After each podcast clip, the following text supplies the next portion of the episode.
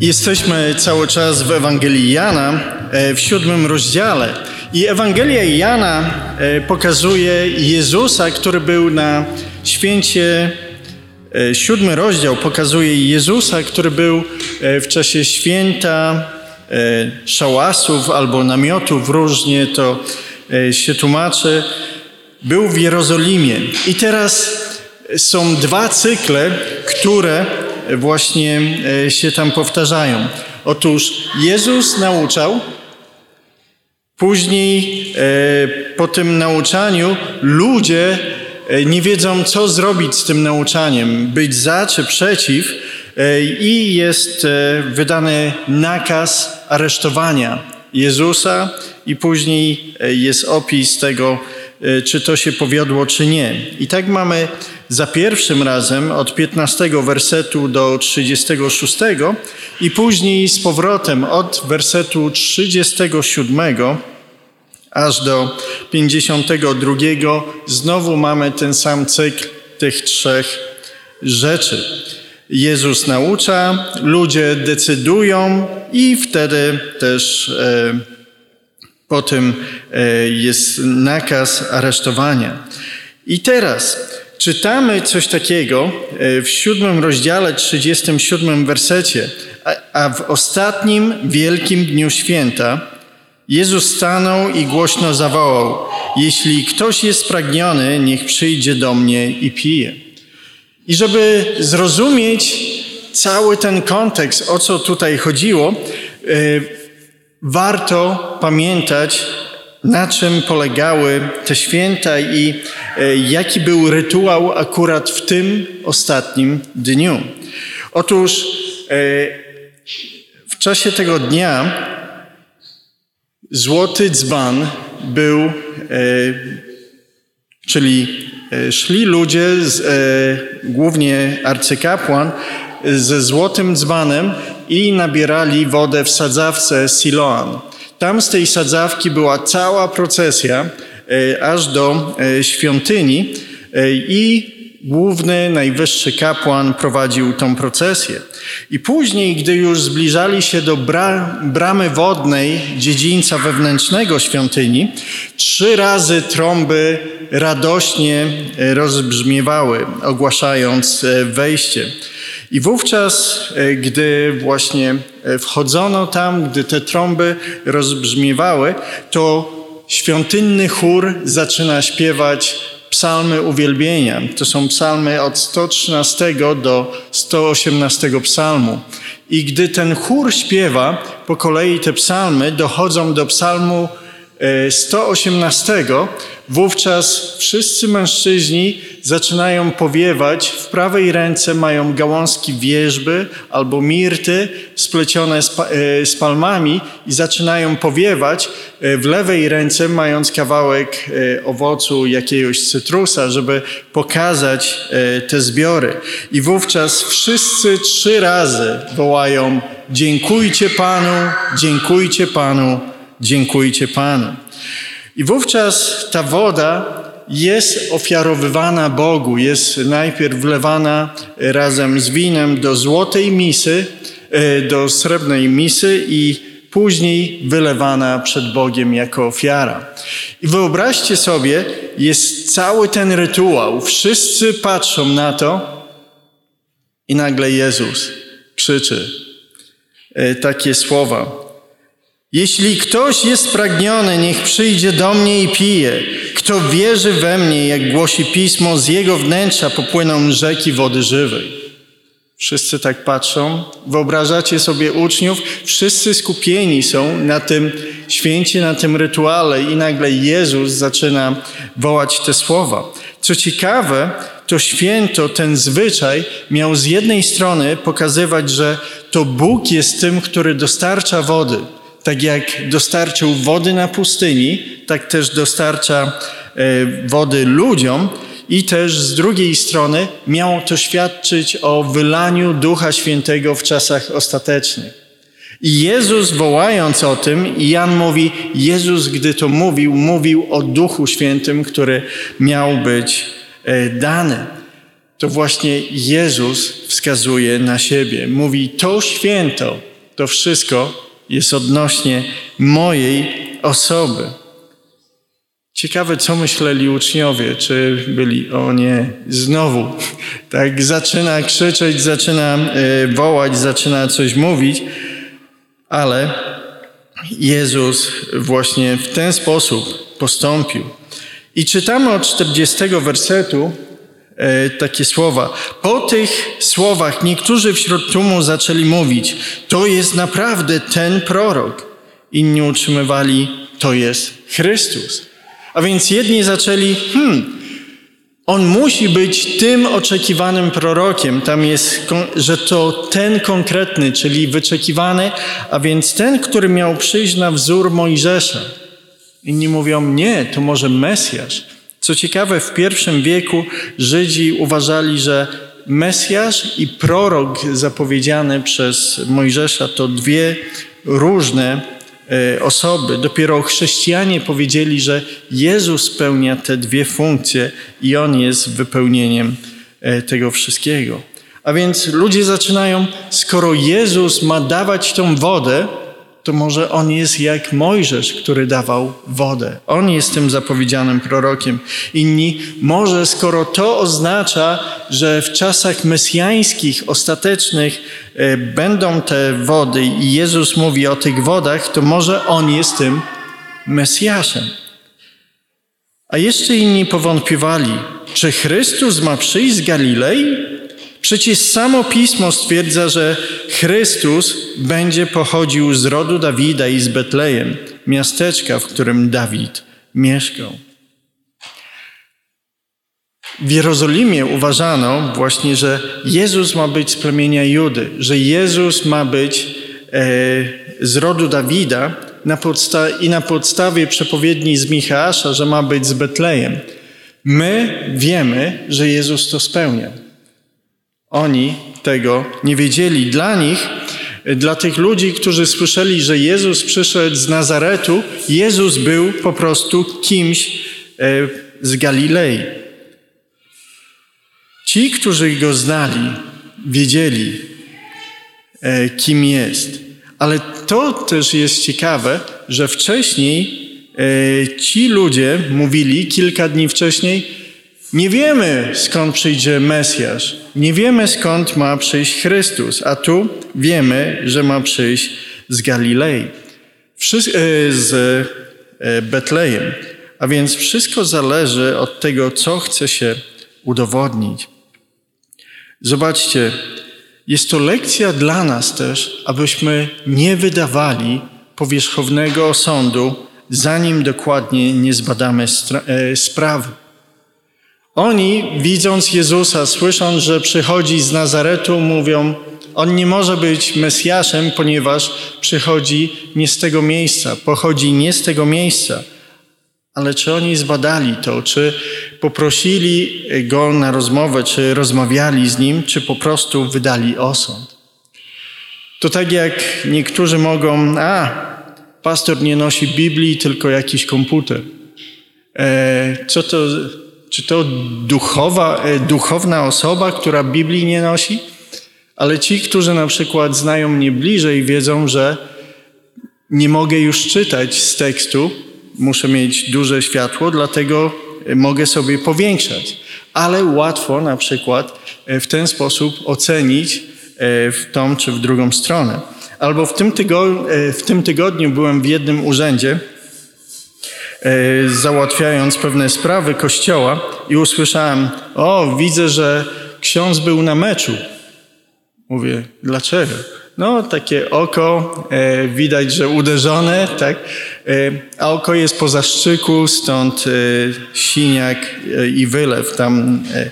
Także zobaczcie, jak łatwo, nie badając czasem sprawy, wydać pewną opinię i według tej opinii E, później postępować. Ona nie chce mi pomóc, a wystarczy tylko, żeby zrobiła to lub tamto. Ale czy wiesz, co ta osoba wcześniej zrobiła? Także nie wydawajmy osądu, zanim nie zbadamy danej sprawy. I właśnie ci ludzie, co ciekawe, e, tutaj mówią, wiemy skąd e, wiemy, że Jezus przychodzi z Galilei, e, a wcześniej e, było powiedziane, że Mesjasz nie wiadomo skąd będzie pochodził, a teraz my wiemy skąd on pochodzi, a później w, e, w dziewiątym rozdziale nie wiemy skąd Jezus pochodzi. A więc zobaczcie, zmieniają swoje zdanie w zależności od tego, co im pasuje. I dalej w 43 czytamy: I tak właśnie z jego powodu doszło wśród nich do rozłamu. Niektórzy chcieli go nawet chwytać, ale nikt nie tknął go palcem. Jezus rodzi różne reakcje w naszym społeczeństwie. On rodził różne reakcje wcześniej. Ludzie nie wiedzieli, co zrobić z tym Jezusem. Dlatego, jeżeli mówisz o Jezusie komuś, nie dziw się, że czasem reakcja będzie pozytywna, czasem negatywna. To było już tak samo e, i kiedyś. A więc są różne reakcje. Różne reakcje i to nie powinno nas w ogóle dziwić. Powinniśmy spodziewać się też negatywnych reakcji, jak i pozytywnych. Straż wróciła więc do arcykapłanów i faryzeuszów bez niego. Dlaczego nie przyprowadziliście go? zapytali. Strażnicy na to, jeszcze nigdy nikt nie przemawiał tak jak ten człowiek. I tu E, to było ciekawe, ponieważ Straż Świątynna to byli lewici. To nie byli jacy ludzie, ale lewici, którzy byli e, obeznani w pismach też. I co oni mówią? Dosłownie jest powiedziane, nigdy nie przemawiał tak człowiek. I to znowu jest taka ciekawa ironia, którą e, czytelnicy Jana widzą, ponieważ na samym początku jest, że na początku było Słowo, a Słowo było u Boga, Bogiem było Słowo i ono właśnie stało się ciałem. Jezus nie jest zwykłym człowiekiem. I oni mówiąc, nigdy nie przemawiał tak człowiek, mówili właśnie prawdę. Wtedy faryzeusze powiedzieli, czyżbyście i wy dali się zwieść? Jak wy, lewici, ludzie, którzy są obeznani z pismem, mogliście e, w coś takiego wierzyć? Powinniście być mądrzejsi, powinniście nas słuchać. Ciekawy sposób manipulacji, nie? Jeżeli byłbyś mądry, to byłbyś słuchał mnie, tego, e, co mówię.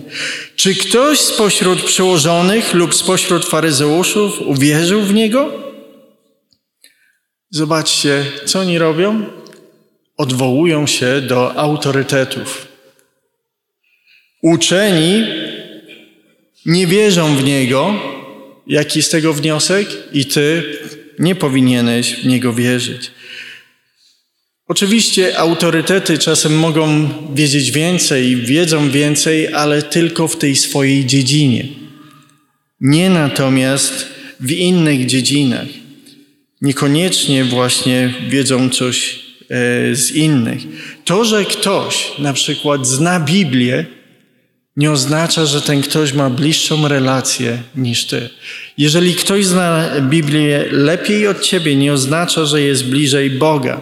Choć jedno powinno iść ze sobą w parze.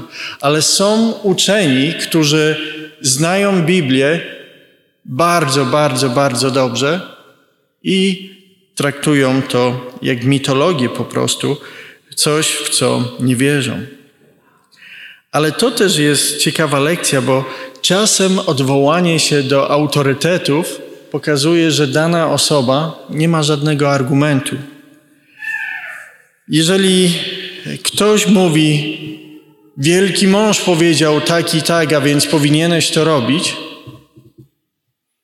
niech pokaże mi to w Biblii, to może wtedy pójdę, a nie, że wielki mąż Kowalski czy jakiś inny e, powiedział to lub tamto, albo natchniony ewangelista, czy natchniony e, jakiś pastor, biskup i tak dalej powiedział coś. No dobrze, to powiedział. Pokaż mi to w Biblii, żebym mógł iść za tym, a nie, że ktoś tam coś powiedział. Właśnie odwoływanie się do autorytetów czasem pokazuje, że nie ma się argumentu i że jest to tylko opiera się na czymś. Żaden, pamiętaj, żaden autorytet nie będzie za ciebie miał relacji z Bogiem. To ty masz relację z Bogiem i to jest relacja między Bogiem a tobą i e, twoje sumienie.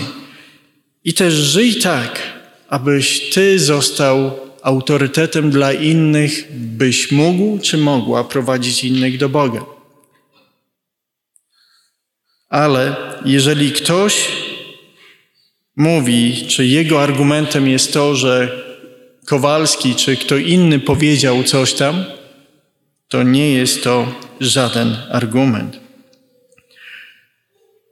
Ktoś przesłał mi pewną audycję radiową i w tej audycji radiowej e, dziekan Wydziału Historii jednego z czołowych polskich uniwersytetów stwierdził coś takiego.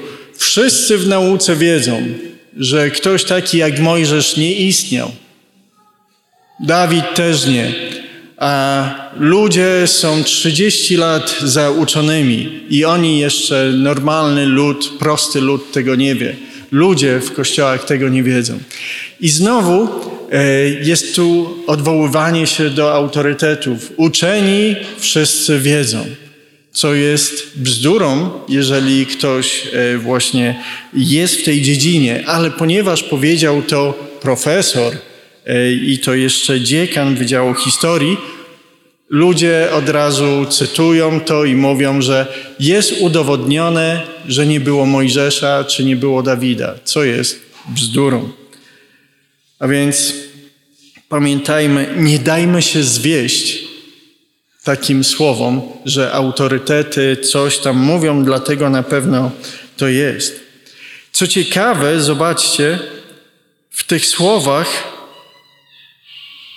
które wypowiedzieli uczeni w piśmie, oni też się mylili. Zobaczcie, powiedzieli w 48 wersecie, czy ktoś spośród przełożonych lub spośród faryzeuszów uwierzył w Niego? I implikacja jest nie. Ale za chwilę usłyszymy o Nikodemie. Ale co oni dalej mówią? A ten tłum, który nie zna prawa, jest przeklęty. Zobaczcie, jaka pogarda dla innych ludzi. Jaka pogarda dla ludzi. Lud był widziany właśnie przez uczonych, przez e, rabinów i w ogóle jako głupi i niewyedukowany. Oni wszystko kupią, cokolwiek im się sprzeda. Co innego my, wyedukowane elity, którzy e, wszystko wiemy i wszystko zbadaliśmy. Ale zobaczcie, czy oni zbadali te fakty odnośnie Jezusa? Czy tylko przyjęli to, co usłyszeli? Ci, którzy znali prawo, nie rozpoznali autora prawa. I to jest ta ciekawa ironia. Ci, którzy znali prawo, działali przeciwko duchowi prawa. Też ci, którzy uważali się być mądrymi, okazało się, że byli głupi i postępowali też wbrew temu wszystkiemu, w swojej pysze, że my jesteśmy uczeni, my jesteśmy mądrzy, szli z głowami ku górze, wpadając w wielki dół. Wtedy odezwał się jeden z nich, Nikodem, który wcześniej spotkał się z Jezusem. Pamiętacie, trzeci rozdział Ewangelii Jana. Czy nasze prawo sądzi człowieka, zanim go przesłucha i zbada, jak postępuje?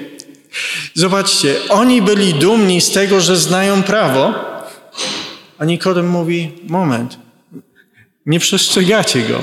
Samo prawo to jest piąta Mojżeszowa, pierwszy rozdział, dziewiętnasty rozdział. Samo prawo uczy nas, żebyśmy nie wydawali osądu, zanim nie zbadamy rzeczy. A wy co robicie?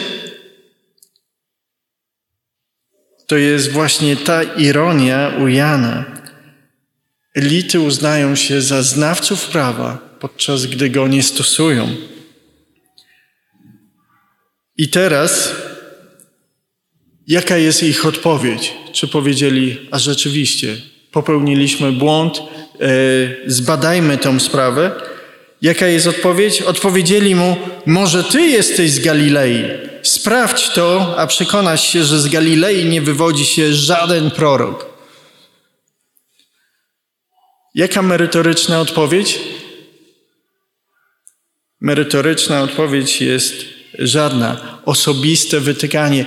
To ty musisz być z Galilei, jeżeli coś takiego e, uważasz.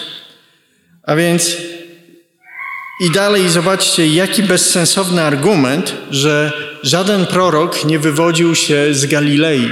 Gdyby tak było, nawet gdyby tak było, to to, że żaden nie wywodził się do tamtej pory, nie oznaczało, że nie mógł być później.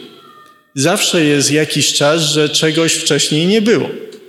A więc argument e, nie jest tak mądry, jakby mogło się wydawać. Ale po drugie, argument jest też zupełnie błędny. Jonasz wywodził się z Galilei. Niektórzy wskazują też e, Nahuma, Eliasza, Micheasza i Ozeasza jako tych, którzy wywodzili się z Galilei. A więc oni w tym swoim zacietrzewieniu, znowu rzucając argument, my jesteśmy uczeni, a więc wiemy, rzucają argument, który zupełnie nie ma e, racji. Ich nienawiść tak ich zaślepiła, że nawet e, myślenie ich nie było w porządku. Byleby udowodnić, że Jezus nie jest e, Chrystusem, że Jezus nie jest e, Mesjaszem. Nie wzięli też pod uwagę Izajasza, e, ósmy rozdział 23 do 9:1. Ci, którzy tak uważali, że znają się na prawie, nie pomyśleli o księdze Izajasza, którą tak często cytowali. Tam jest powiedziane tak: Lecz nie będzie ciemności dla tej, która miała zgrezotę. Jak czas przeszły sprowadził hańbę na ziemię Zebulona i ziemię e, Naftalego, to jest Galileja, e, tak e, późniejszy okryje chwałą drogę morską za Jordan oraz Galileę narodów. Lud chodzący w ciemności ujrzał wielkie światło. Mieszkańcy ziemi e, cienia śmierci, światło zabłysło nad nimi. Zatem ten fragment nawet świadczy o tym, że coś ma wydarzyć się w Galilei. Ale będąc zaślepionymi nienawiścią, oni używają argumentów, E, osobistych, personalnych, to Ty jesteś z Galilei e, i my wiemy lepiej, my jesteśmy uczeni nie jak ten ciemny lud. Jakie więc zastosowanie jest e, dla nas tego fragmentu? Po pierwsze, nie przejmuj się negatywną reakcją, gdy głosisz Ewangelię. Taka była i taka będzie. Bądźmy też e, nastawieni na to, że coś takiego e, będzie. Oczywiście módlmy się o te osoby, e, z którymi rozmawiamy, ale też nie powinno to nas załamywać, jeżeli reakcja będzie negatywna. Po drugie, badaj sprawę dokładnie, zanim wydasz osąd. Bardzo łatwo jest na podstawie pozorów coś ocenić. A, ten na pewno tak chciał, ten albo ona coś innego. Zbadaj sprawę, zanim wydasz osąd. Po trzecie, gdy usłyszysz w rozmowie na temat Jezusa zarzuty co do swojej osoby, to wiedz, że ten twój rozmówca nie ma żadnych argumentów najczęściej, bo nie używa żadnych innych argumentów, ale próbuje ciebie zaatakować i to być może dobrze. To być może dobrze dlatego, że to słowo go dotyka i próbuje się bronić. Jeżeli ktoś jest atakowany, to czasem się broni. Jeżeli coś go penetruje, to czasem właśnie się broni, a więc e, to nie powinno Ciebie przerażać czy dotykać, jeżeli ktoś osobiście e, Ciebie atakuje, gdy mówisz o Bogu, o Twojej wierze. Pamiętaj też, że odwoływanie się do autorytetów nie jest żadnym argumentem. To, że w naszych rozmowach, e, czyli w naszych rozmowach nie przekonujmy innych, ponieważ ten coś powiedział albo tamten coś powiedział, dlatego jest to prawda. Jeżeli Bóg coś powiedział, to jest prawda. A więc e, nie odwołujmy się do jakichś autorytetów ludzkich, odwołujmy się do Boga i Pisma Świętego. E, I też pielęgnujmy relacje z Bogiem, módlmy się i czytajmy Jego Słowo, ponieważ to pozwala nam poznać prawdę. A prawda, jeżeli będziemy trwać w Bożym Słowie, nas będzie wyzwalać. I niech to właśnie będzie w naszym życiu, abyśmy znali Boga, poznawali Go, mieli relacje i znali prawdę i mogli oceniać rzeczywistość wokół nas według Bożego Słowa. Amen.